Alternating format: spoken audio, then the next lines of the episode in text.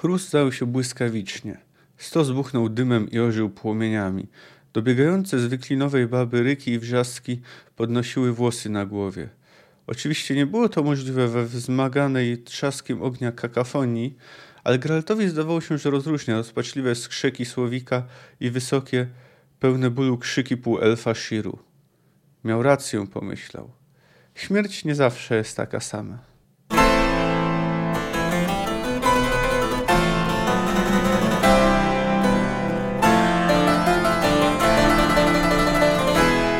Cześć, jestem Kamil K., a Ty słuchasz mojego podcastu Fantastyka Krok po Kroku. Analizuję w nim rozdział po rozdziale lub opowiadanie po opowiadaniu wybrane książki fantastyczne. Zapraszam.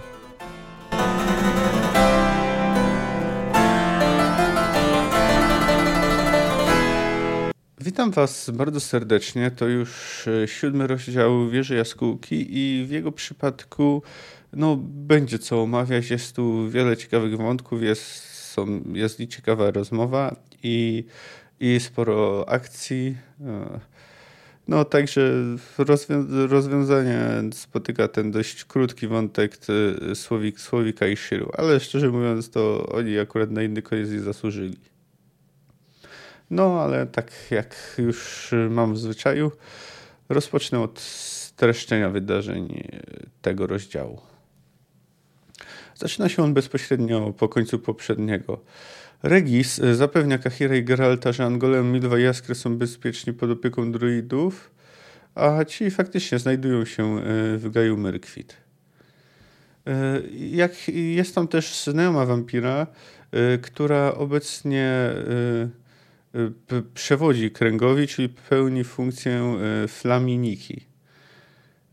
Jak się okazuje, ta przywódczyni druidzkiego kręgu oznajmiła wampirowi, że wie o jej wizycie i jej celu, że jeśli Geralt chce się czegoś dowiedzieć, musi wejść do jaskini pod Gorgoną, górą diabła, bez broni. Geralt zna te okolice, bywał tutaj i no, stwierdza, że raczej odpowiedzi się pod Gorgoną nie znajdzie zwłaszcza jeśli ma wejść bez broni, no jest to skrajnie niebezpieczne. No ale tak jak zresztą Regis stwierdza, no podejmuje to ryzyko. E, przy wejściu do jaskini widzi, widzi górę e, z kości, ale większość z nich wygląda raczej na dość stare, czyli no, można uznać, że pełni rolę odstraszającej dekoracji. E, w środku są potwory. Nie atakują go bezpośrednio, ale są obecne. Y, on czuje na sobie ich wzrok, a niektóre z nich nawet go y, wyzywają. Y, w, pewien moment, w pewnym momencie jeden przypominający bardzo Pekińczyka defekuje mu na but. No Wiedźmin oczywiście nie wytrzymuje, odpycha go nogą. Wtedy uruchamiają go barbegazi i pojawia się inny potwór. Pukacz, który poza tym, że jest niezwykle potężnie zbudowany, to jeszcze wieje alkoholem. Pukacz mówi Geraltowi, y, żeby spojrzał w lewo, popatrzył, no i, i dostaje pięścią w twarz. Y, zabawę przerywa głos wzywający Wiedźmina. Wkraczam do jaskini oświetlonej przez magiczną kulę. Światło wpada tam także przez otwory w sklepieniu spotyka elfa, który aktualnie zajmuje się malowaniem fioletowego bizona, y, który ma zmylić ludzi i sprawić, że y, nie ruszą y, właśnie ściany, na której powstaje to malowidło. Geralt podpowiada mu, że, że można łowcom polującym na bizony domalować wielkie, zwiedzione falusy. No, elfowi pod, podoba się ta sugestia. Przedstawia się on jako kreowan Espana Alp Kaoma Kauman Macha, ale używa też e, pseudonimu Avallach i tak się Geralt będzie do niego zwracał. To wiedzący. E, po tam wymianie kilku zdań e, okraszonych pewnymi złośliwościami, za pomocą gestu rąk rozwiera ścianę, na której malował Bizona. Zapewnia Geralta, że jest, że gdy zamknie się, ściana zamknie się z powrotem, to będzie nie do odróżnienia. E, no, przechodzą na Elfit cmentarz. Znajduje się tu mnóstwo rzeź, elfich rzeź i posągów. Elf wspomina przepowiednią Etliny, yy, mówi bardziej, nazwijmy no to naukowo, o przesunięciu się granicy wiecznej zmarzliny na skutek yy, kąta, zmiany kąta padania promieni słonecznych. No, z, z, gdy Geralt mu stwierdza, że no, ludzie tak czy owak y, przeżyją, będą nosić y, y, ciepłe czapki, to elf zgadza się z nim, ale mówi, że o tym akurat Etlina nie mówi. Natomiast co do elfów, no to przeżyją tylko ci, którzy pójdą za jaskółką. Następnie Awallach wskazuje mu posąg Larydoren, która wygląda jakby właśnie została zbudzona. El wyjaśnia, że to cen, cenotaf, e, no, czyli pusty grobowiec. No, re, realnie e, Lara została pogrzebana gdzie indziej. I dodaję też, że pozycja elfki jest nieprzypadkowa. Elfy nie chciały stworzyć posęgu jej ukochanego Kregenana. E, no, obecność człowieka w tym miejscu byłaby według nich świętokradztwem, no ale także swego rodzaju bliźnierstwem byłoby wymasanie go z historii. Dlatego jest on obecny w jej postawie i gestach. A Wallach e, zdradza też, że Lara Doren e, nie była zwykłą elfką. No, już trochę to wiedzieliśmy, bo w końcu o genie Lary mówiły czarodziejki, ale była e, ładunkiem genetycznym. I w połączeniu z innym elfem miał urodzić jeszcze bardziej specjalne dziecko, czyli które można powiedzieć miałoby jeszcze silniejszy ładunek genetyczny. No ale historia potoczyła się inaczej i związała się z człowiekiem. Obydwoje zginęli. E, według e, Awallacha e, no, no to była wina ludzi, no ale eksperyment trwał. No, częściowo oczywiście maczali, jak wiemy, w nim palce czarodzieje, przede wszystkim ludzcy. A o efektach tego eksperymentu e, wiedzą Emery, Wittgefortz, e, a jeszcze więcej od nich wie e, Awallach właśnie.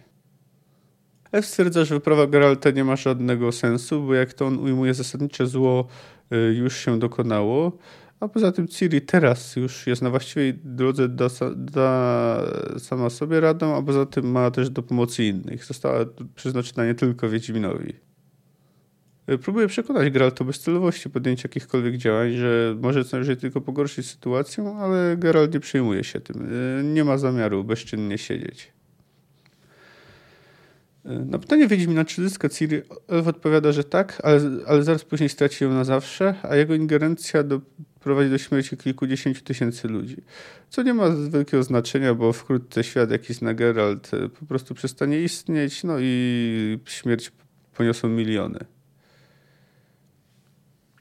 Później y, na prośbę Geralta Avallach ma pokazać Geraltowi Ciri. No ten najpierw wcześniej widzi różne obrazy, jak Yennefer zakutą w kajdany, ale orientuje, a potem orientuje się, że jego towarzysze są w niebezpieczeństwie. Nie miałby szans y, dojechać na czas do Gajo Merkwit y, używając konia, ale Alf załatwił transport na pijanym pukaczu. Jest to dość ekstremalne przeżycie, no ale dzięki temu Wiedźmin dociera do lasu Merkwit w pół godziny. Niemal natychmiast natyka się na trupy e, zabitych pielgrzymów, a także znajduje pierwszych bandytów, których eliminuje bez problemu. Potem natyka się na następne trupy, e, wśród których e, znajdują się także druidzi. No, tej grupy, która jest złożona tak z bandytów Słowika, jak i z Nilfgaardczyków, nie udaje mu się już zaskoczyć. Pomaga mu rycerz w pełnej zbroi z szachownicą na tarczy. Później temu pomaga Geralt, gdy bandyci ściągają go z siodła. Jest on błędnym rycerzem w służbie księżnej Anny Henrietty. Geralt wraz z rycerzem szachownicy docierają do domu opartego o pień dębu, który jest atakowany przez bandytów i Nilfgaardczyków. Oczywiście ci, którzy są w środku, także odpowiadają. No jest tam m.in. Milwa. Ale jest tu też więcej błędnych rycerzy. W trakcie walki Geralt zostaje ranny w ucho, ma też problem w starciu z bardzo zwinnym przeciwnikiem, e, którego porównuje w myślach do łasicy, który wykorzystuje jego kontuzję, ale ten nagle kicha i Geralt to wykorzystuje. Kwituje to stwierdzeniem, że nie warto brać narkotyków. Spotyka Milwę, Angolem i Jaskra. Jaskra, który jest rozpoznany przez jednego z rycerzy. No, jak się okazuje, miał kiedyś romans ze wspomnianą wcześniej księżną Anną Henriettą. Y, początkowo chce jechać z Wiedźminem i towarzyszami do Lasu Merkwit, no ale rycerz zdecydowanie protestuje, a później wspomina o tym, że książę Raimund nie żyje od dwóch lat i humor poety natychmiast się zmienia, więc bardzo chętnie zmierza do Tusand. A Milwa, Angolem i Geralt, y, aby dopaść resztę decydują się dopaść resztę zbójców, w tym Shiru i Słowika. Rycerze im nie pomogą, ponieważ księżna zawarła umowę z druidami i nie wolno im e, dalej wchodzić do lasu. Gdy podróżują, napotykają panicznie uciekającego zbójcę, który nawet nie zwraca na nich uwagi, że są zaraz przed nim na drodze. A to dlatego, że podąża za nim dąb albo coś dąb przypominającego. Chwyta on zbójców i Nilfgaardczyków, ale chwyta też Geralta z towarzyszami. Jest prowadzony przez młodą druidkę. Y, generalnie ma łapać żywcem, ale czasami przesadza. A na przykład Milwan mdleje. Y, drzewo zanosi ich na polanę, gdzie jest usypana kupa gałęzi i chrustu, na szczycie której znajduje się wypełniona ludźmi klatka. Geralt zwraca uwagę na kobietę, która musi być flaminiką i udaje mu się wykrzyczeć, kim jest. Ona natychmiast rozkazuje, by ich puścił. I poniekąd przeprasza za pomyłkę, chociaż no, stwierdza, że no, skąd mogła wiedzieć, bo nie udzielała im zgody na obecność, a sama obecność Geralta, no niezbyt jej się podoba, bo wiadomo, co myśli o zabójcach yy, potworów. No a Geralt chce powstrzymać druidów, którzy podkładają ogień właśnie pod ten stos, ale Flemnika stwierdza, trzeba dać przykład grozy, a ona nie uznaje instytucji świadka koronnego, ponieważ uważa, że wymigiwanie się od kary jest niemoralne. Gdy Angolem zauważa, że Wiedźmin nie uzyska medalionu, bo miał go Szyru, więc zapewne stopił się w ogniu, Wiedźmin oznajmia, patrząc w oczy Flaminiki, że przestał być Wiedźminem, więc musi nauczyć się żyć bez wiedźmickiego e, medalionu. No to jest bardzo interesujący rozdział i raczej jeden z lepszych, chyba nawet najlepszy w Wieży Jaskółki, a przynajmniej z tych, które dotychczas omawiałem.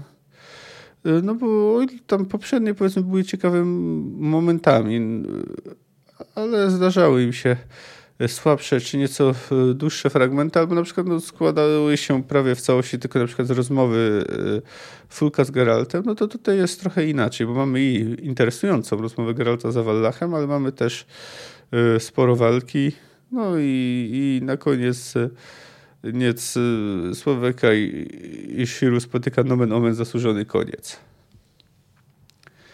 No ale jednak najbardziej interesujący fragment tego rozdziału wydaje mi się, rozmowa z elfem. No, dochodzi do niej też w bardzo specyficznych y, okolicznościach. E, no, jak to mówi Flaminika, gdy Geralt ma się udać na spotkanie z Awallachem, y, dotyczące tego, że ma wejść bez broni. Y, Poprzymiewa nich chodruickich poglądów. Trochę ich poznaliśmy, bo jak pamiętacie, może E, z granicy możliwości, do, gdy do Regaraj wyłuszczył mu swoje poglądy na temat e, potworów, e, Geralt skwitował, że to druicka teoria. No dobrze, ale jak dokładnie to brzmi? Niebędący Wiedźminem Wiedźmin udowodni, że stać go na pokorę i poświęcenie. Wstąpi w mroczną czeluść ziemi, bezbronny. Zostawiwszy wszelki oręż, wszelkie ostre żelazo, wszelkie ostre myśli, wszelką agresję, gniew, złość, arogancję – Wyjdzie w pokorze, a wówczas tam, w czeluści, pokorny niewiedźmin znajdzie odpowiedzi na pytania, które go dręczą. Znajdzie odpowiedzi na wiele pytań. Ale gdy Wiedźmin pozostanie Wiedźminem, nie znajdzie niczego. No nie wiemy, na ile to była e, inicjatywa Elfa, chociaż wiemy, że pozostaje on w kontekście z druidami i to od niego wiedzą, że yy, prawdopodobnie, że Wiedźmin do nich zmierza. No natomiast ten pomysł bez broni... Pff, to z drugiej strony jest to o tyle zrozumiałe, że Awalach mógł się obawiać o potwory, z którymi ewidentnie żyje w jakimś tam porozumieniu. No inna sprawa, że tutaj mamy też pewną symbolikę, bo Geralt faktycznie e, no, przestaje być Wiedźminem. Przecież kiedy on ostatni raz w ogóle szukał wiedźmińskiej pracy? To chyba wtedy, kiedy zbierał pieniądze dla Kodringera. Chociaż no paradoksalnie w tu są e, kilka przyjmie no podjął oczywiście duże ryzyko, bo no te potwory wykorzystały okazję do zabawy. No ale nie zrobiły mu trwałej krzywdy. No dobrze, ale w rozmowie z Awalachem jest sporo wątków, które moim zdaniem warto poruszyć. Generalnie od samego początku jest dość arogancki i jego antyludzkie uprzedzenia no, no nie ukrywa ich. Posłuchajmy na przykład. Wiedza, mój drogi, to przywilej, a przywileje dzieli się tylko z równymi sobie. A dlaczegoż to niby ja, elf, wiedzący, członek elity, miałbym dzielić się czymkolwiek z potomkiem istoty, która zjawiła się we wszechświecie zaledwie 5 milionów lat temu, wyewoluowawszy z małpy, szczura, szakala czy innego ssaka. Istoty, która potrzebowała coś około miliona lat na odkrycie, że za pomocą dwóch włochatych rąk można dokonać jakiejś operacji ogryzioną kością. Po czym wetknęła sobie tę kość w odbytnicę i zakwiliła ze szczęścia. No cóż, no więc tak. Y, no, oczywiście, ta wypowiedź oczywiście nie jest 100% serio, natomiast y, resentyment y, jest dość widoczny w tym, co mówi Awalach. No oczywiście Ew ma też pewien osobisty uraz co do ludzi, co w sumie może konkretnego człowieka Kregenana, ponieważ z tego, co mówią, z tego, co mówi, a raczej z tego, co sami jak się zachowuje, można wnioskować, że mm, albo to on miał być właśnie tym partnerem, z którym miał się połączyć ładunek genetyczny Lary, albo po prostu był w niej zakochany. No albo jedno i drugie. A tutaj jest dość ciekawe o tej ewolucji, ponieważ y, no, tutaj mamy nawet konkretne, y, konkretne daty, do których może y, nie warto się specjalnie przywiązywać. Czy tam to było 5 milionów, czy ile. Natomiast interesujące jest to, czy inne rasy, już zostańmy przy tym określeniu, wyewoluowały tak jak ludzie w tym świecie. Bo jak widzimy, człowiek, nawet jeśli nie tutaj, ponieważ wiemy, że on tam przybył, wiemy o pierwszym lądowaniu, czyli człowiek na ten konkretny świat przybył w tej postaci, no ale, ale ogólnie y, na świecie pojawili się parę milionów lat temu i później wyewoluowały. Ciekawe, czy na przykład elfy zostały w jakiś sposób stworzone, od początku pojawiły się na świecie. Czy to samo było z krasnoludami? No, Zapkowski tego nie, nie porusza. No, więc no, możemy co najwyżej zgadywać, spekulować. No dobrze, ale może przejdźmy do właściwej części rozmowy. Jaki jest w ogóle cel Wallacha? E, to znaczy, chce tylko poznać Geralta? E, kogoś, z kim e, los bardzo Ciri powiązał? Naprawdę chce go przekonać, aby zaniechał podejmowania jakichkolwiek działań? E, czy może uważa, że jest to e, w swoim fatalizmie, że to jest też e, konieczny ruch, aby nadal mieliły żaru na czasu, tak to określmy. No, nie do końca możemy znać motywację elfa, zwłaszcza, że nie do końca wiemy, ile Awalach naprawdę wie. To znaczy, no wiemy, że jest wiedzący, a wiedzący wiemy, że mają dużą moc i wiedzą też bardzo dużo. No wie, wiemy, że część z tego, co przepowiedział Geraltowi się sprawdziła, ale z drugiej strony część wcale nie. Bo faktycznie Wiedźmin utracił wszystkich swoich towarzyszy, ale, ale żadnego z nich yy, w ciągu najbliższego czasu, no chyba, żeby uznać to za Jaskra. No ale Jaskier przecież dopiero gdy, opuści, gdy opuszczali tu Sounds, zdecydował się tam zostać. No więc y, to nawet nie była kwestia tygodni, a raczej yy, miesięcy. No i tak samo w sumie trudno powiedzieć, o co chodzi z tym, że niby ingerencja Geralta sprawiła, że życie straci kilkadziesiąt tysięcy ludzi. No nic takiego raczej nie miało miejsca, tak jak y, ta, ta zagłada, chociaż Nimue, Kondry, y, Nimue w Pani Jeziora będzie tłumaczyć trochę więcej, no to no to nie doszło do niej jeszcze przez długi czas. Chociaż trzeba też tutaj pamiętać, że elfy mają e, jakby elfy mają inne poczucie czasu, no z tego względu, że są długowieczne. No ale jeszcze raz wróćmy do tej przewodniej tliny. Oczywiście wiem, że krążą jej różne wersje, my ją znamy tylko w wyrywkach, ale Awallach zdradza nam trochę więcej, więc można powiedzieć e, poznajemy kolejny puzzle do tej układanki. Wszystko Elf nie patrzył na niego, lecz na marmurowe kolumny pokryte delikatną jak pajęczyna płaskorzeźbą. Zostało przewidziane i wyprorokowane. Wasze przybycie na kontynent, wojny, przelew elfiej i ludzkiej krwi. Wzrastanie waszej rasy, dekadencję naszej. Walkę władców północy i południa I powstanie oto król południa przeciw królom północy i zaleje ich ziemię jak powódź. Będą oni zdruzgotani, a narody ich zniszczone. I tak zacznie się zagłada świata. Pamiętasz tekst Itliny Wiedźminie? Kto jest daleko, umrze od zarazy. Kto jest blisko, padnie od miecza. Kto uchowa się, umrze z głodu. Kto przetrwa, tego zgubi mróz. Albowiem nadejdzie Ted Dejredach, czas końca, czas miecza i topora, czas pogardy, czas białego zimna i wilczej zamieci. No tu widzimy, Awallach kawałek nam tutaj zacytował. Awallach wydaje się e, traktować tę przewodnitliny poważnie, ale tu możemy przyjąć w sumie za pewnik, bo wiemy, że na przykład Ida też traktuje je dość, e, dość poważnie. No ale zresztą z jak wiemy, jest taki problem, że często można je dopasować do, do wszystkiego i do niczego. No, kojarzymy cię na przykład przecież pewnie yy, przepowiednie Nostradamusa i tam jak na przykład wróżył, kto tam będzie kolejnymi papieżami. Zresztą w innych, w cyklu husyckim to Sapkowski to e, wyśmiał wprost. Yy, no dobrze, ale jeszcze dokończmy to. Poezja. Wolisz mniej poetycko? Wskutek zmiany kąta padania promieni słonecznych przesunie się i to znacznie granica wiecznej zmarzliny. Te góry zmiażdży i odepchnie daleko na południe sunący z północy lód. Wszystko przesypie biały śnieżek, warstwą grubą na ponad milę i zrobi się bardzo, ale to bardzo zimno. Będziemy nosić ciepłe gacie, zapowiedział bez emocji Geralt. Kożuszki i futrzane czapki. Z ust mi to wyjąłeś, zgodził się spokojnie elf. I w tych gaciach i czapkach przetrwacie, by któregoś dnia wrócić tu, kopać doły i szperać w tych jaskiniach, by niszczyć i kraść. Wiesz, Bajtliny tego nie mówi, ale ja to wiem. Nie sposób całkowicie zniszczyć ludzi i karaluchów. Zawsze zostanie co najmniej parka. Co do nas elfów, Itlina jest bardziej zdecydowana. Ocalają tylko ci, którzy pójdą za jaskółką. Jaskółka, symbol wiosny, jest wybawicielką. Tą, która otworzy zakazane drzwi, wskaże drogę wybawienia i umożliwi odrodzenie świata. Jaskółka, dziecko starszej krwi.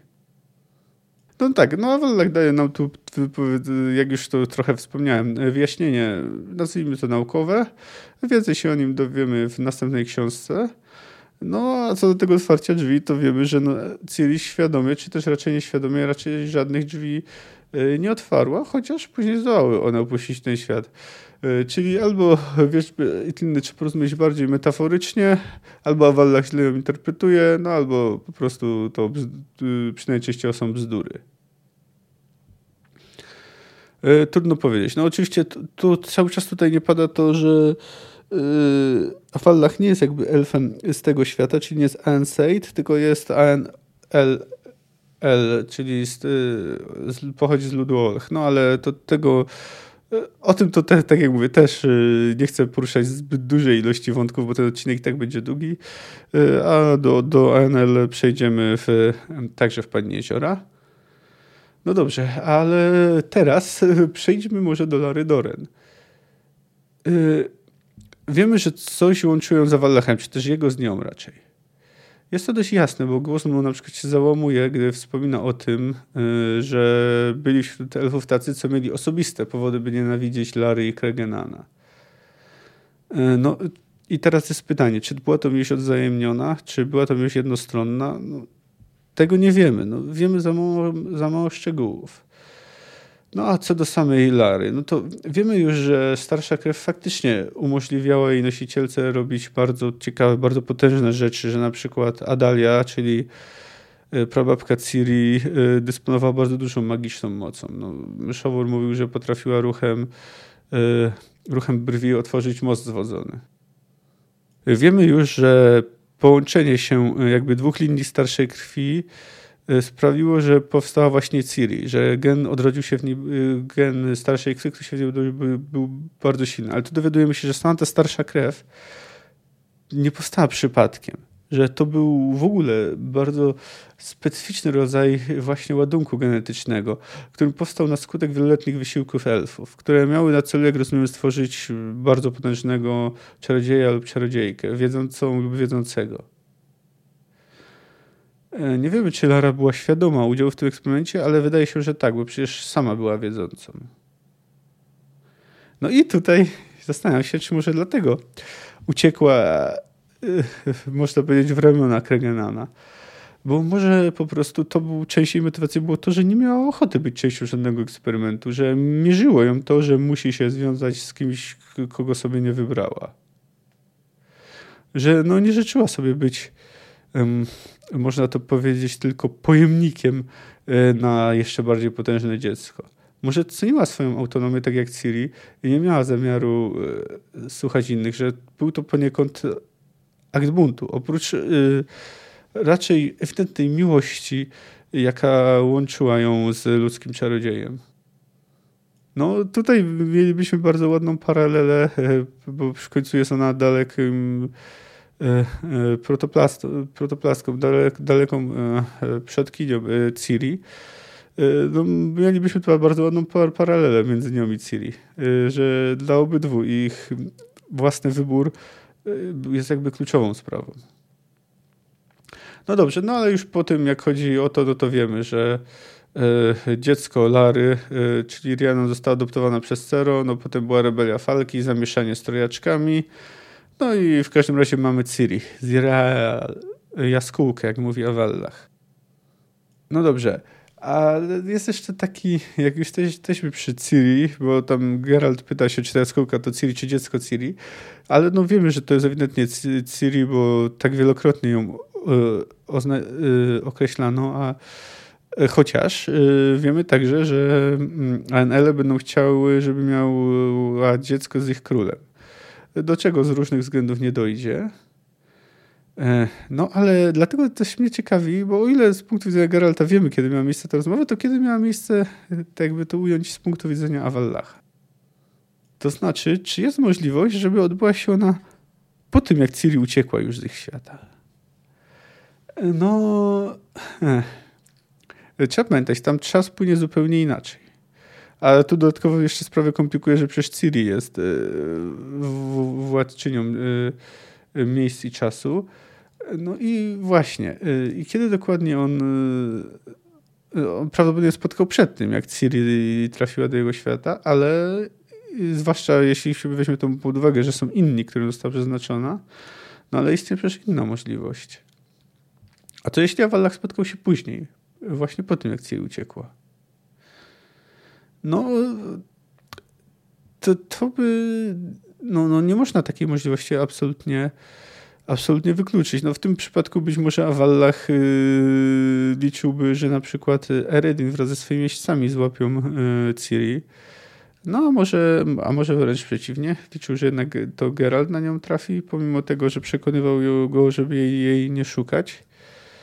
Yy, no bo tutaj wyraźnie mówi o jaskółce, a o ile te, o, a jaskółka to wiem, to jest Ciri, bo wyraźnie tak się do niej zwracał. Więc jeśli, jeśli to jaskółka, jeśli to Ciri miała im otworzyć te drzwi, no to w takim razie po, nie potrzebuje, żeby mieć dziecko e, z elfem. Czyli może jednak Awallach zmienił zdanie, dowiedział się więcej i, i ma teraz inne podejście do sprawy niż wtedy, gdy była więziona. No jest to teza ciekawa. Chociaż no, nie, nie, jest to może bardzo prawdopodobne, natomiast ja bym tego tak całkiem, całkiem tej teorii e, nie odrzucał. No ale w tym kontekście mamy pytanie, co miał na myśli Wallach, mówiąc o tym, co do Ciri, że zasadnicze zło już się dokonało. No, Ciri spotkało ogólnie dużo zła, więc no, może mieć na myśli różne rzeczy. To, że sama stanie się poniekąd zła, y, będąc wśród szczurów, to, że ją spotka zło y, z rąk Bonharta. Być może chodzi o to, co się stało w równonoc. Być może chodzi o to, że uciekła Anela, chociaż a Wallach mówi, że jaskółka już jest na właściwej drodze. Ale to też można interpretować dwojako, bo jasne, można interpretować, że po prostu już wkrótce trafi do wieży jaskółki, do ich świata, świata ludu Olch, ale można też interpretować, że jest na właściwej drodze, ponieważ właśnie do spełnienia tego przy, swojego przeznaczenia, że już opanowała sw swoją moc. Trudno powiedzieć, o co dokładnie chodziło Awallachowi, ale jest to Niemniej ta chronologia jest ciekawa, chociaż, no, tak jak mówię, raczej bardziej prawdopodobne jest to, że, że Awallach teraz rozmawia z Geraltem przed spotkaniem Ciri, ale nie mamy 100% pewności. No dobrze, ale no, pada w tej rozmowie jeszcze kilka ciekawych wątków. W sumie taki jeden z bardziej interesujących jest kwestia mm, e, seksualności w przypadku raz takich długowiecznych jak elfy. no, troszeczkę poruszył chyba ten temat, jeśli dobrze pamiętam, Phila Wanderel, ale, ale Avallach jest bardziej dosłownie, bardziej go rozwija. No, posłuchajmy, co ma do powiedzenia. Czy wiesz, Wiedźminie, co jest największym minusem długowieczności? Nie. Seks. Co? Dobrze słyszałeś. Seks. Po niecałych 100 latach staje się nudny. Nie ma w nim już nic, co mogłoby fascynować i ekscytować, co miałoby podniecające urok nowości. Wszystko już było. Takim czy innym sposobem, ale było. I wtedy, no, wtedy nagle przychodzi koniunkcja sfer i pojawiacie się tutaj wy, ludzie. Pojawiają się tu niedobitki ludzi, przybyłe z innego świata, z waszego dawnego świata, które udało wam się totalnie zniszczyć waszymi własnymi, wciąż owłosionymi rękami zniszczyć, zaledwie 5 milionów lat po wykształceniu się jako gatunek. O, tu znowu mamy te 5 milionów lat, czy, i tu mamy wprost powiedziane, że to się działo w innym świecie. Jest was garstka. Średnią życia macie śmiesznie niską. Wasze przetrwanie zależy więc od tempa rozrodu. Wobec tego wyuzdana rządza nigdy was nie opuszcza. Seks rządzi wami totalnie. Jest to popęd silniejszy nawet niż instynkt samozachowawczy. Umrzeć czemu nie, jeśli wcześniej da się pochędożyć? Oto w niewielkim skrócie cała wasza filozofia. Geralt nie przerywał i nie komentował, choć ochotę miał wielką. I co się nagle okazuje? Podjął Awallach.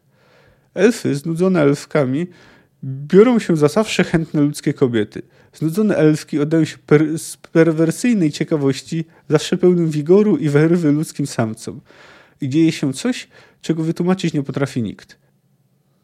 Elfki, które normalnie mają owulację raz na 10-20 lat, spłukując z człowiekiem zaczynają owulować przy każdym silnym orgazmie. Zadziała jakiś ukryty hormon, może kombinacja hormonów. Elfki rozumieją, że dzieci mogą mieć w praktyce tylko z ludźmi. To elfki sprawiły, że nie eksterminowaliśmy was, gdy jeszcze byliśmy silniejsi.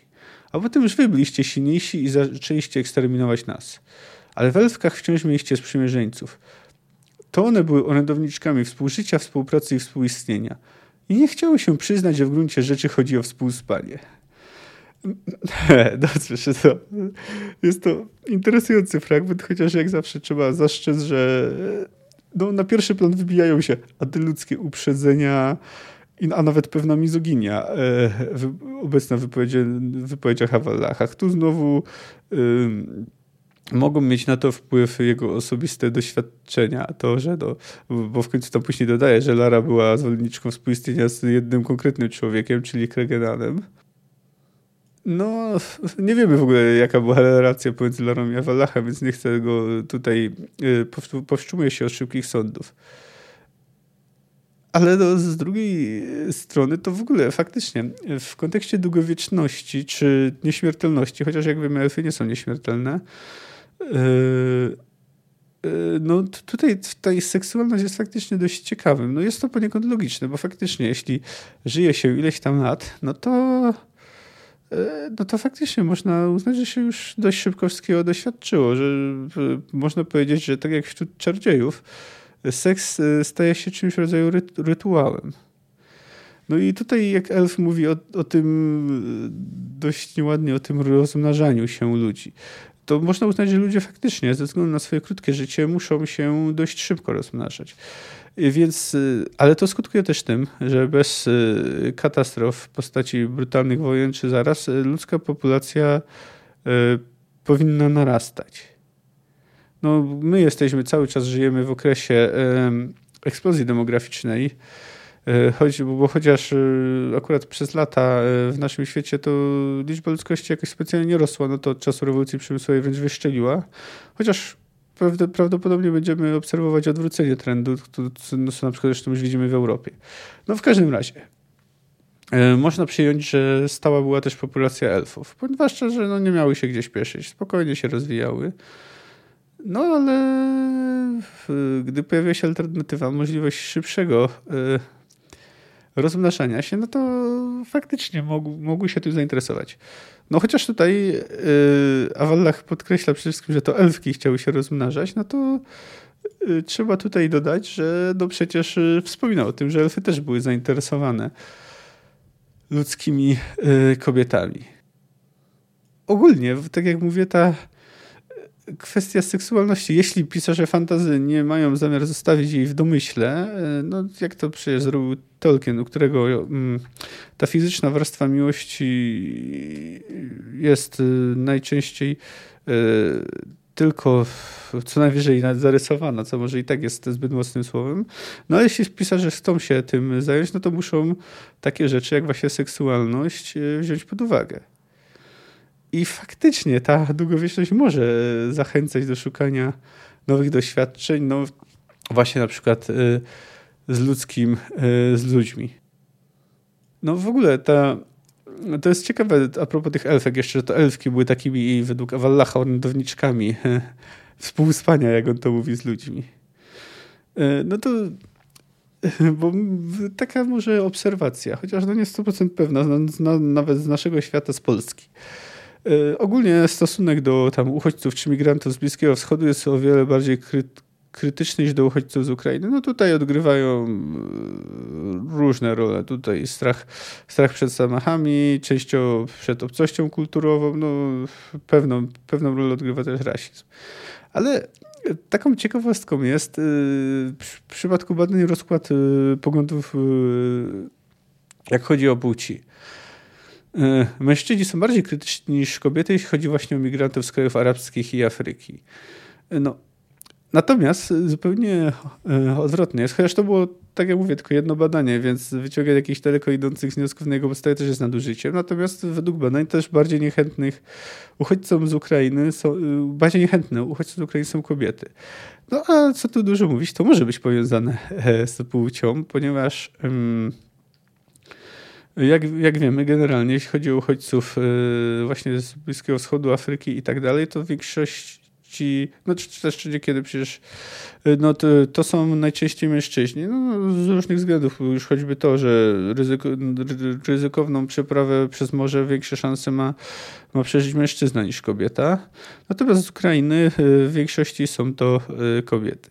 Więc tutaj widzimy takie możliwe podobne wytłumaczenie matrymonialne tych uczuć.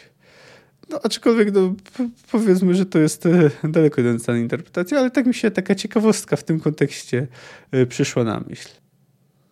No dobrze.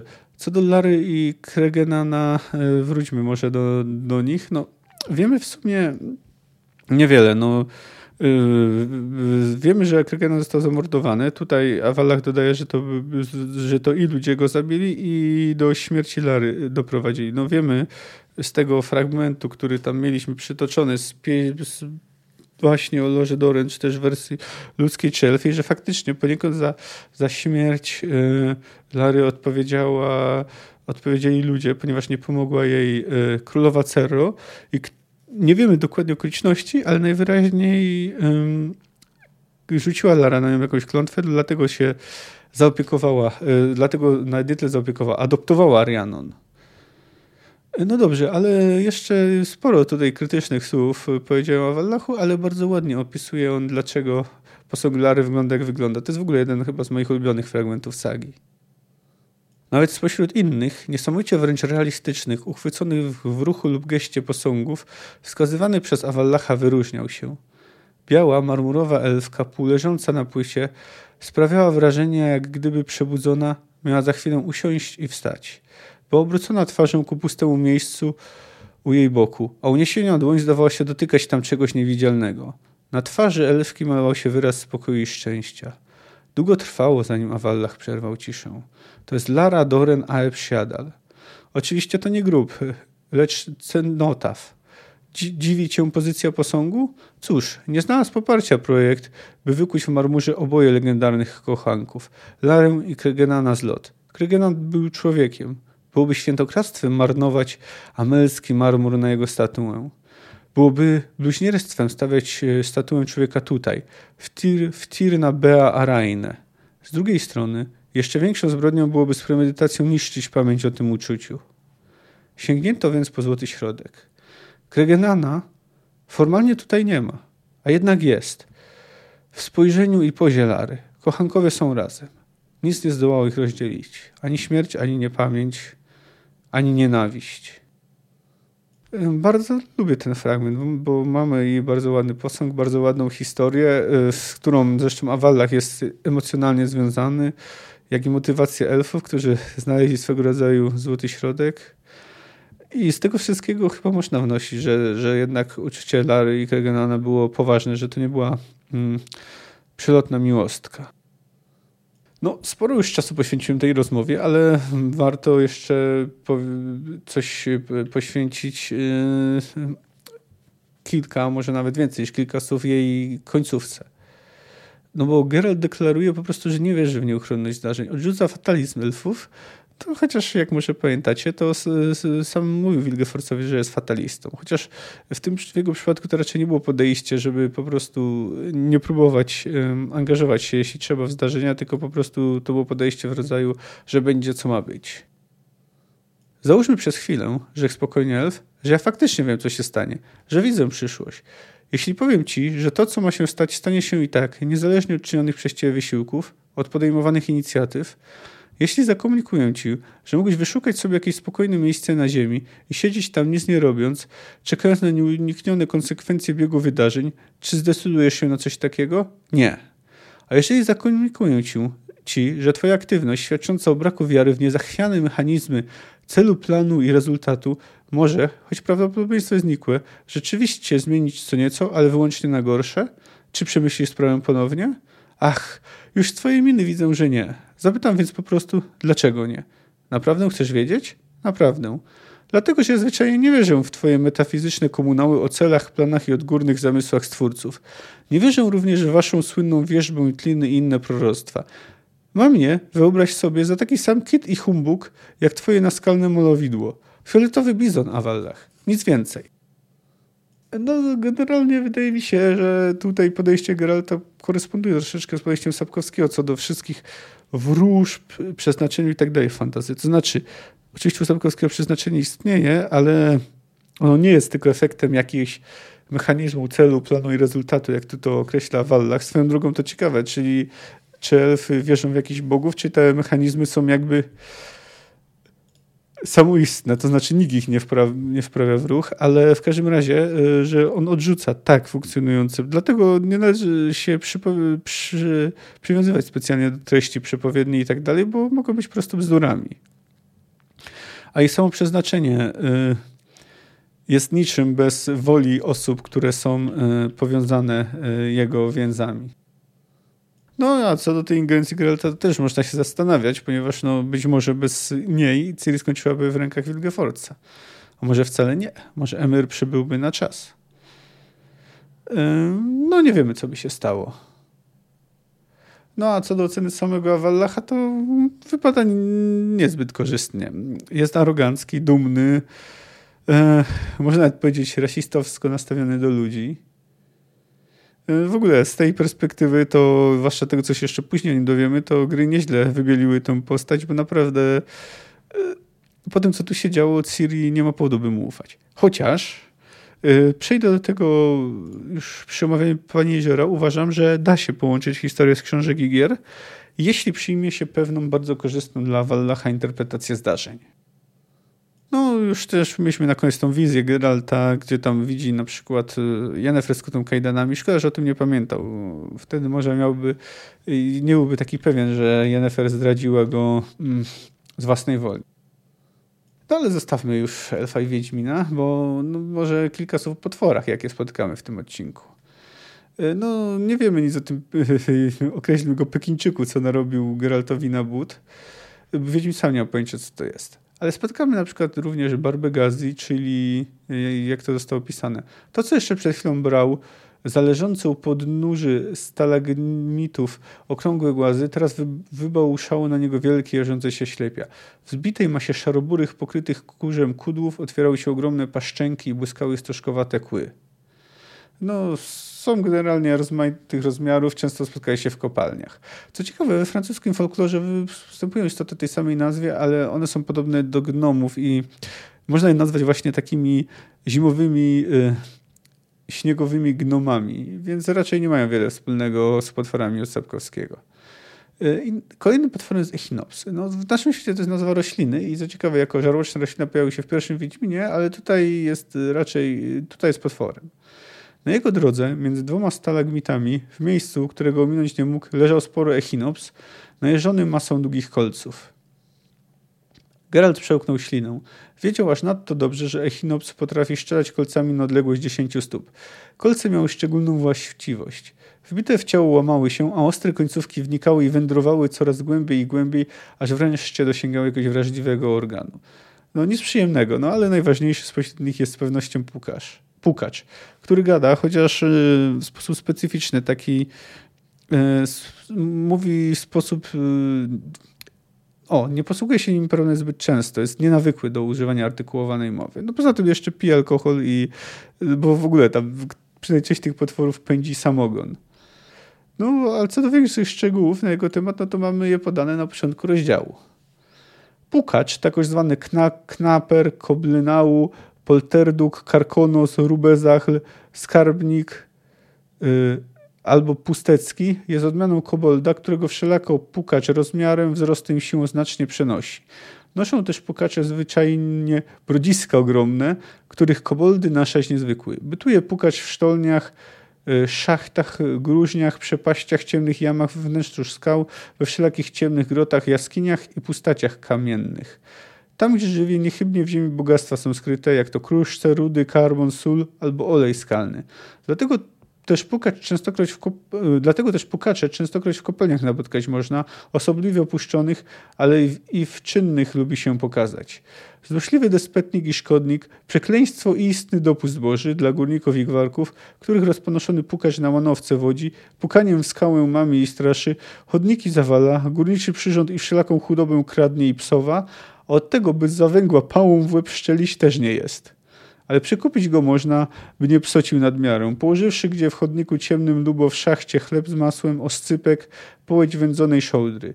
Aleś najlepiej gąsiorek okowity, na tę bowiem pukacz okrutnie jest łakomy. Fizjologus. To jak więc widzimy, pukacz, yy, przy okazji poznaliśmy też etymologię nazwy, jest to istota rozumna, chociaż też dość złośliwa. Skorzystał z okazji, by dać Geraltowi w zęby, ale w sumie pewnie wiele potworów miałoby ochotę yy, to zrobić. A podróż na grzbiecie pijanego pukacza e, jest, no, dostarczy grotowi niezwykłych wrażeń. No, swoją drogą widzimy, że koboldy też występują w tym świecie i pewnie też są istotami rozumnymi, chociaż nie naszą brud. No ale wróćmy jeszcze do tego opisu tej podróży.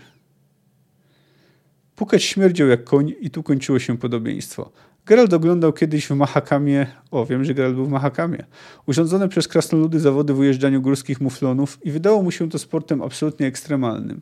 Ale dopiero teraz, siedząc na grzbiecie pędzącego jak wariat pukacza, dowiadywał się, czym jest prawdziwa ekstremalność. Aby nie spaść, kurczowo wpijał palce w szorstkie kudły i ściskał udami kosmate boki potwora. Pukacz śmierdział potem, uryną i wódką. Gnał jak opętany, od uderzeń jego gigantycznych stóp ziemia dudniła, jak gdyby podeszwy miał ze spiżu. W niewielkim stopniu zwalniając, piął się na zbocza, a zbiegał z nich tak szybko, że powietrze wyło w uszach. Pędził po graniach, perciach i półkach tak wąskich, że Geralt zaciskał powieki, by nie patrzeć w dół. Przesadzał wodogrzmoty, kaskady, przepaści i rozpadliny, których nie przeskoczyłby muflon, a każdemu danemu skokowi towarzyszył dziki ogłuszający ryk. To znaczy jeszcze dzikszy i bardziej ogłuszający niż zwykle. Pukać ryczał bowiem praktycznie bez przerwy. Nie pędź tak! Pęd powietrza wcisnął w słowo, słowa z powrotem do gardła. Bo co? Piłeś. Ua! Gnali.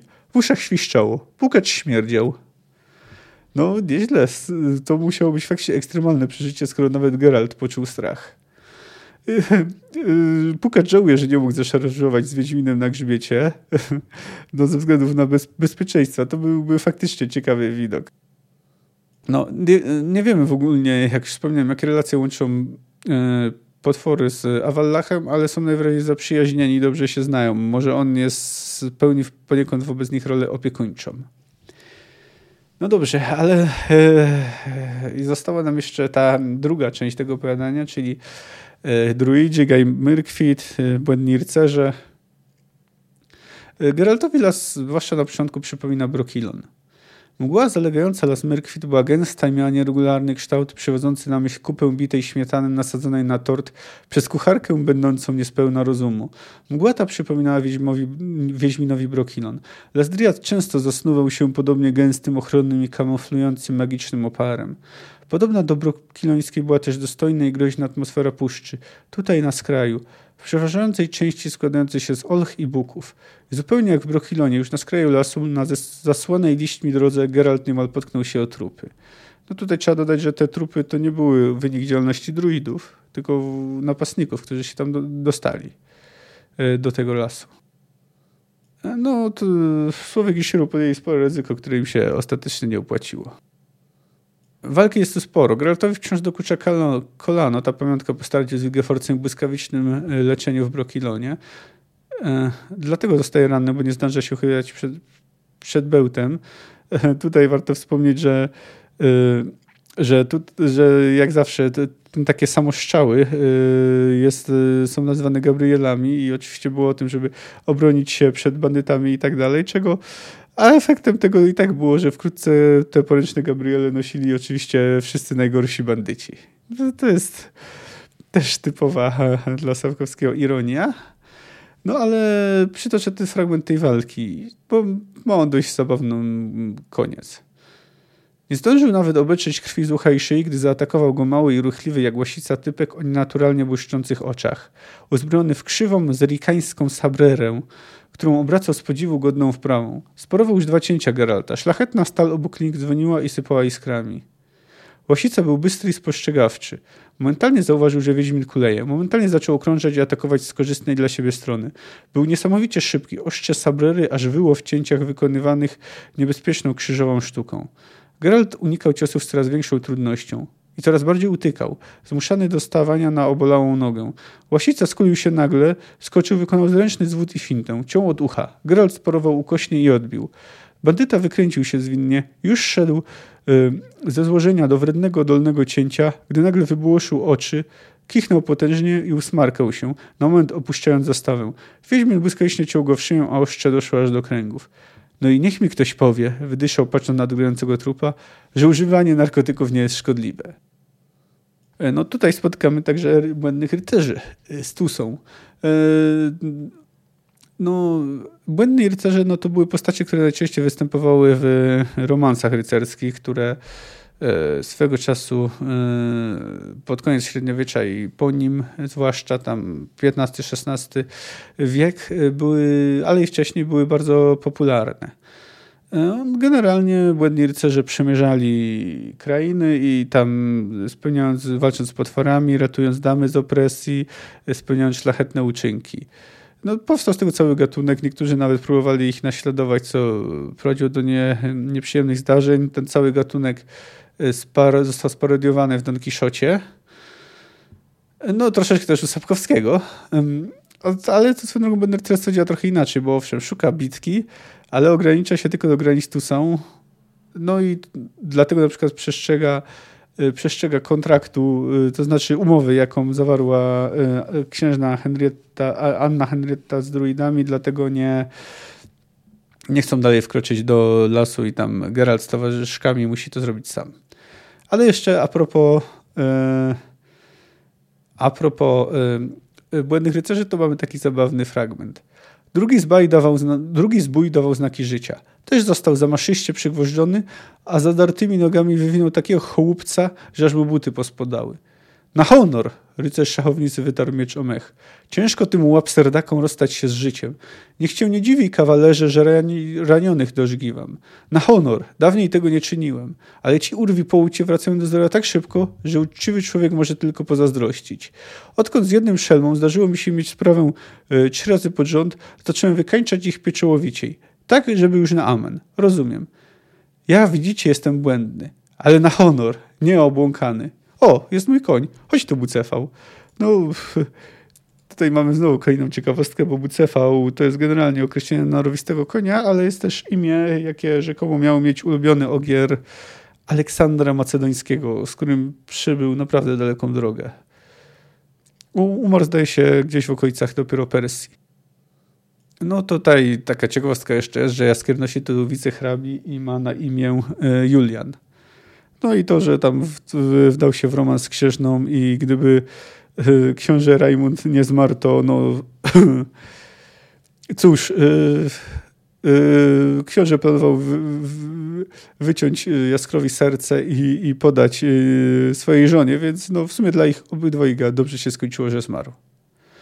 no, zostali nam jeszcze druidzi. Każdy, kto grał w jakieś RPG umieszczone w świecie fantazy ich kojarzy. No, najczęściej y, zajmują się leczeniem i posiadają też szczególne zdolności do łączenia się z naturą, więc mogą na przykład kontrolować zwierzęta i inne leśne bestie. E, no, natomiast tak realnie, bo to są istniały wśród e, starożytnych Celtów, pełnili funkcje religijne, polityczne, medyczne, niekiedy zajmowali się wróżbiarstwem. Chociaż prawdopodobnie znali, znali pismo, to nie zostawili sobie żadnych źródeł pisanych. Mogło to być związane z tym, że mm, ich przekonania zabraniały im dzielić się swoją wiedzą właśnie pisemnie. Wspomina o nich na przykład Juliusz Cezar. Spotkałem ich także w innych źródłach rzymskich, a także od pisarzy y, chrześcijańskich, którzy pisali sporo później od y, Cezara, ale z drugiej strony y, oni pisali jakby więcej przebywając na miejscu, więc mogli, więc prawdopodobnie mogła przetrwać jakaś ustna tradycja na temat druidów. Nie wiemy na przykład, jak to było z kobietami. Czy były kobiety, czy, były, czy istniały druidki realnie, ale mogły istnieć. Pojawiają się na pewno w irlandzkiej mitologii. Więc no, są pewne podstawy, żeby uznać, że także istniały, a niekiedy mogły odgrywać bardzo ważne role. No dobrze, a co do w świecie Wiedźmina, no to są to, hmm, można nazwać ludzie, y, którzy zajmują się mm, opieką, podtrzymywaniem i studiowaniem natury, którzy żyją z nią w symbiozie, którzy potrafią leczyć, ważyć eliksiry, dysponują magicznymi umiejętnościami, no jak widzimy, mamy tutaj przecież właśnie to wprost, jak w jakiejś symbiozie z naturach.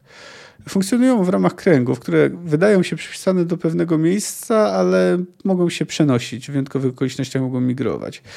Niekiedy, na przykład, jeśli kojarzycie spotkanie pod dębem, na przykład krwi elfów, no to ich tereny mogą być mogą być miejscem międzyrasowych spotkań, gdzie na chwilę wygaszane są konflikty. Ich poglądy zakładają miłość do wszelkich istot, nawet tych uważanych za niebezpieczne i potwory, nawet dla reliktów koniunkcji sfer. Dlatego też z taką niechęcią odnoszą się do Wiedźminów. Warto dodać, że przywódczyni kręgu nazywa się Flaminika, natomiast przywódca Hierofant. O ile tego pierwszego słowa no, nie udało mi się znaleźć że, że, że nic więcej, no to Hierofant to był kapłan na przykład y, w starożytnej Grecji. Generalnie on wprowadzał do mistycyzmu albo kandydatów na kapłanów, albo wiernych w miejsce, gdzie była jakaś, gdzie wierzono, że jest jakaś święta obecność. No, co do, wróćmy do druidów świecie Wiedźmina, no to krążą o nich właśnie takie wieści, że palą w kukłach nazywanych y, wiklinowymi babami. I tutaj znowu mamy, tu, tu, tutaj to jest, w tym świecie to jest mit, który dopiero Flaminika postanowiła ukończyć z, z, który Fleming postanowił wykorzystać, aby dać przykład grozy. No ale poglądy o składaniu celtów ofiar z ludzi i właśnie paleniu ich w kukłach, zwanych wikinowymi panami, czyli z angielska Wickerman, y, faktycznie istnieje w naszym świecie. Pisał o tym Juliusz Cezar, aczkolwiek historyczność tego bywa kwestionowana. No i tutaj jeszcze warto wspomnieć o tym drzewnym stworze, czy też dębo potworze. No przypomina on nieco, jeśli przynajmniej wchodzi o wygląd, enty z Władcy Pierścieni, ale o ile one własne, miały własne charaktery, pragnienia, zwyczaje yy, i żony, yy, to nie wiemy, czy tutaj też tak jest, ponieważ no, wydaje się, yy, chociaż druidka do niego mówi, i, ale nie wiemy, jaka jest jej relacja, czy po prostu nim steruje, czy tylko go zachęca. No, nie wiemy, na ile jest on kontrolowany magią, na ile ma własną wolę. Teraz tak niejako na podsumowanie całości rozdziału przytoczę dość długi cytat y, kończący ten rozdział. Prawdopodobnie swoim zwyczajem przerwę go w paru miejscach komentarzami. Przestępcy, zbrodniarze, ludzie niegodziwi, przemówił z dołu jeden z druidów starzy wsparty na długim pocochu. Przyjrzyjcie się dobrze. Popatrzcie, jaka kara spotyka w lesie mrkwic zbrodniarzy i niegodziwców. Przypatrzcie się i zapamiętajcie. Wypuścimy was, byście mogli o tym, co za chwilę ujrzycie, opowiedzieć innym. Na przestrogę. Na samym środku polany piętrzył się wielki stos bierwion i chrustu, a na stosie wsparta drągami stało pleciona z wikliny klatka, mająca kształt wielkiej, pałubowatej kukły. Klatka pełna była wrzeszczących i szamoczących się ludzi. Wiedźmin wyraźnie słyszał żabie ochrypły od zgrozy skrzeki rozbójnika Słowika. Widział białą jak płótno wykrzywioną panicznym strachem twarz półelfa Shiru, przyprasowaną do wyklinowych splotów. Druidzi! Wrzasnął Geralt, mobilizując się do tego wrzasku, mobilizując do tego wrzasku wszystkie siły, by być słyszanym wśród ogólnego rejwachu. Pani Flaminiko, jestem Wiedźmin Geralt. Słucham? Odezwała się z dołu wysoka i chuda kobieta z włosami koloru szarej stali, upadającymi na plecy, ściśniętymi na czole wiankiem z jemioły. Jestem Geralt, Wiedźmin, przyjaciel e Emila Regisa. Powtórz, bo nie dosłyszałam. Geralt, przyjaciel wampira. Ach, trzeba było tak od razu. Nadany przez stalowo-włosą druidkę znak dębopotwór postawił ich na ziemi. Niezbyt delikatnie. Upadli, żadne nie mogło wstać o własnych siłach. Milwa była nieprzytomna, krew ciekła jej z nosa. Geralt podniósł się z trudem, ukląkł nad nią. Stalowo-włosa flaminika stanęła obok, chrząknęła. Twarz miała bardzo szczupłą, chudą wręcz, budzącą nieprzyjemne skojarzenie z trupią czaszką obciągniętą skórą. Jej błękitne jak buławatki oczy były miłe i łagodne. Ma chyba połamane żebra, powiedział patrząc na Milwę, ale zaraz temu zaradzimy. Nasi uzdrowiciele niezwłocznie udzielą jej pomocy. Ubolewam nad tym, co się stało, ale skąd mogłam wiedzieć, kim jesteście? Nie zapraszałam was do Kaed Myrkwit i nie udzielałam zgody na wejście do naszego sanktuarium. Emil Regis ręczył za was, co, co prawda, ale obecność w naszym lesie Wiedźmina, płatnego mordercy żywych stworzeń, wniosę się stąd bez chwili zwłoki, czcigodna Flaminiko, zapewnił Geralt. Gdy tylko urwał, widząc druidów z zapalonymi łuczywami podchodzącymi, podchodzących do stosu i pełnej ludzi wiklinowej kukły. Nie! krzyknął zaciskając pięści. Stójcie! Ta klatka, powiedziała Flaminika, jakby go nie słysząc, miała początkowo służyć jako zimowy paśnik dla godującej zwierzyny. Miała stać w lesie napełniona sianem. Ale gdy schwytaliśmy tych łotrów, przypomniałam sobie wredne plotki i kalumnie, które o nas ludzie rozpowiadają. Dobrze pomyślałam. Będziecie mieli waszą wiklinową babę. Samiście ją wystali z palca jako budzący zgrozę koszmar, to ja wam ten koszmar zafunduję. Każe im się wstrzymać, wydyszał Wiedźmin. Czcigodna Flaminiko, nie podpalajcie. Jeden z tych bandytów ma ważne dla mnie informacje. Flaminika splotła ręce na piersi. Jej bławatkowe oczy nadal były miękkie i łagodne. O nie, powiedziała sucho. Nic z tego. Ja nie wierzę w instytucję świadka koronnego. Wymigiwanie się od kary jest niemoralne. Tu pozwolę sobie przerwać na chwilę. Ogólnie no, wiemy, że instytucja świadka koronnego jest dyskusyjna. Swego czasu była nawet opinia, że jest nadużywana. No, mamy w końcu tego sławnego już świadka koronnego, czyli masę z gangu pruszkowskiego który to teraz już od dłuższego czasu stał się gwiazdą medialną i co chwila pisze książki, pojawia się w mediach. No ale z drugiej strony y, poniekąd bez świadków koronnych pewnych spraw nie dałoby się y, rozwiązać. No ale oczywiście taka instytucja powinna być używana na tyle rzadko, tylko w przypadkach, gdy w inny sposób nie da się pozyskać dowodów. No, co do moralności tego, no to oczywiście jest to mm, etycznie dyskusyjne.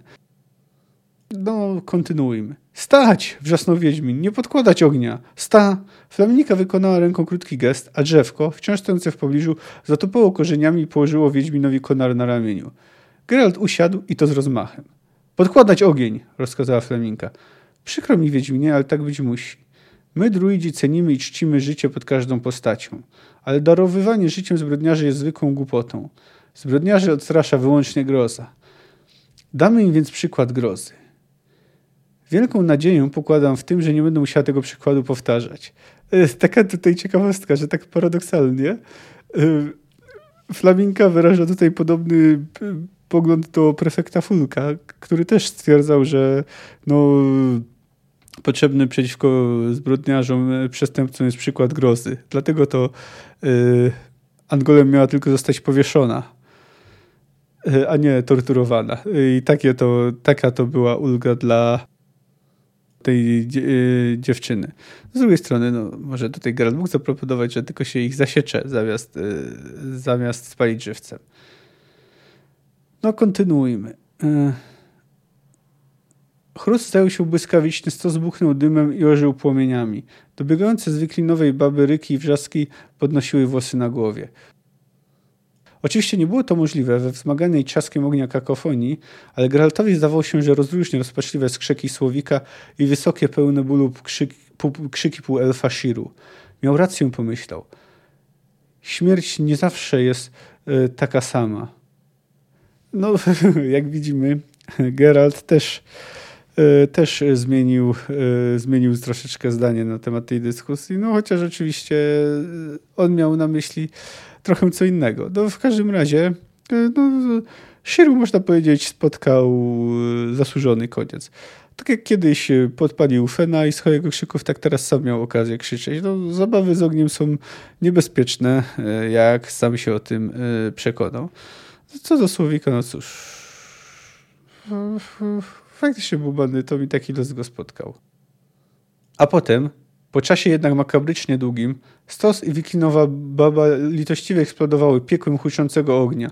Ognia, w którym nie mogło przetrwać nic. Twój medalion, Geralt, powiedziała stojąca obok niego Angolem. Słucham? Odchrząknął, bo gardło miał ściśnięte. Co mówiłaś? Twój srebrny medalion z wilkiem. Shir go miał. Teraz już go straciłeś na amen. Stopił się w tym żarze. Trudno, powiedział po chwili, patrząc w błowatkowe oczy Flaminiki. Nie jestem już Wiedźminem. Przestałem być Wiedźminem. Na Tanet w wieży Mewy, w Brokilonie, na moście nad Jarugą, w jaskini pod Gorgoną i tutaj w lesie Myrykwit. Nie, ja już nie jestem Wiedźminem. Będę się więc musiał nauczyć obywać bez wiedźmińskiego medalionu. Cóż, no po raz kolejny widzimy, że Wiedźmin nie jest Wiedźminem, można powiedzieć. No Geralt poniekąd faktycznie przestał nim być i, i z profesji, i bo po prostu nie wykonuje zawodu i z przekonania, ponieważ no, jego celem jest ratowanie Ciri, a nie eliminacja potworów. No można powiedzieć, że śpieszy on na ratunek Ciri, trochę jak prawdziwy błędny rycerz. No, w końcu do niej dotrze, chociaż no, do tego jest jeszcze trochę czasu. To jest bardzo ciekawy rozdział, bardzo wyważone dialogi i akcja. Mamy kilka bardzo pięknych fragmentów, zwłaszcza na przykład ten opis posągu Lary. Dowiadujemy się trochę, aczkolwiek wielu rzeczy wciąż nie wiemy. Ogólnie bardzo ciekawy fragment. Y, za tydzień przeniesiemy się w zupełnie inne rejony, bo razem z Dijkstrom odwiedzimy Kowir. No jeśli macie jakieś uwagi, uważacie, że coś pominąłem, chcecie się podzielić swoją opinią ze mną, to najlepiej piszcie na maila na adres kamil.fantastyka.gmail.com Ewentualnie możecie e, to napisać do mnie na Instagramie lub Twitterze, gdzie jestem jako fantastyka krok po kroku. Mam nadzieję, że, że usłyszymy się e, za tydzień. Cześć.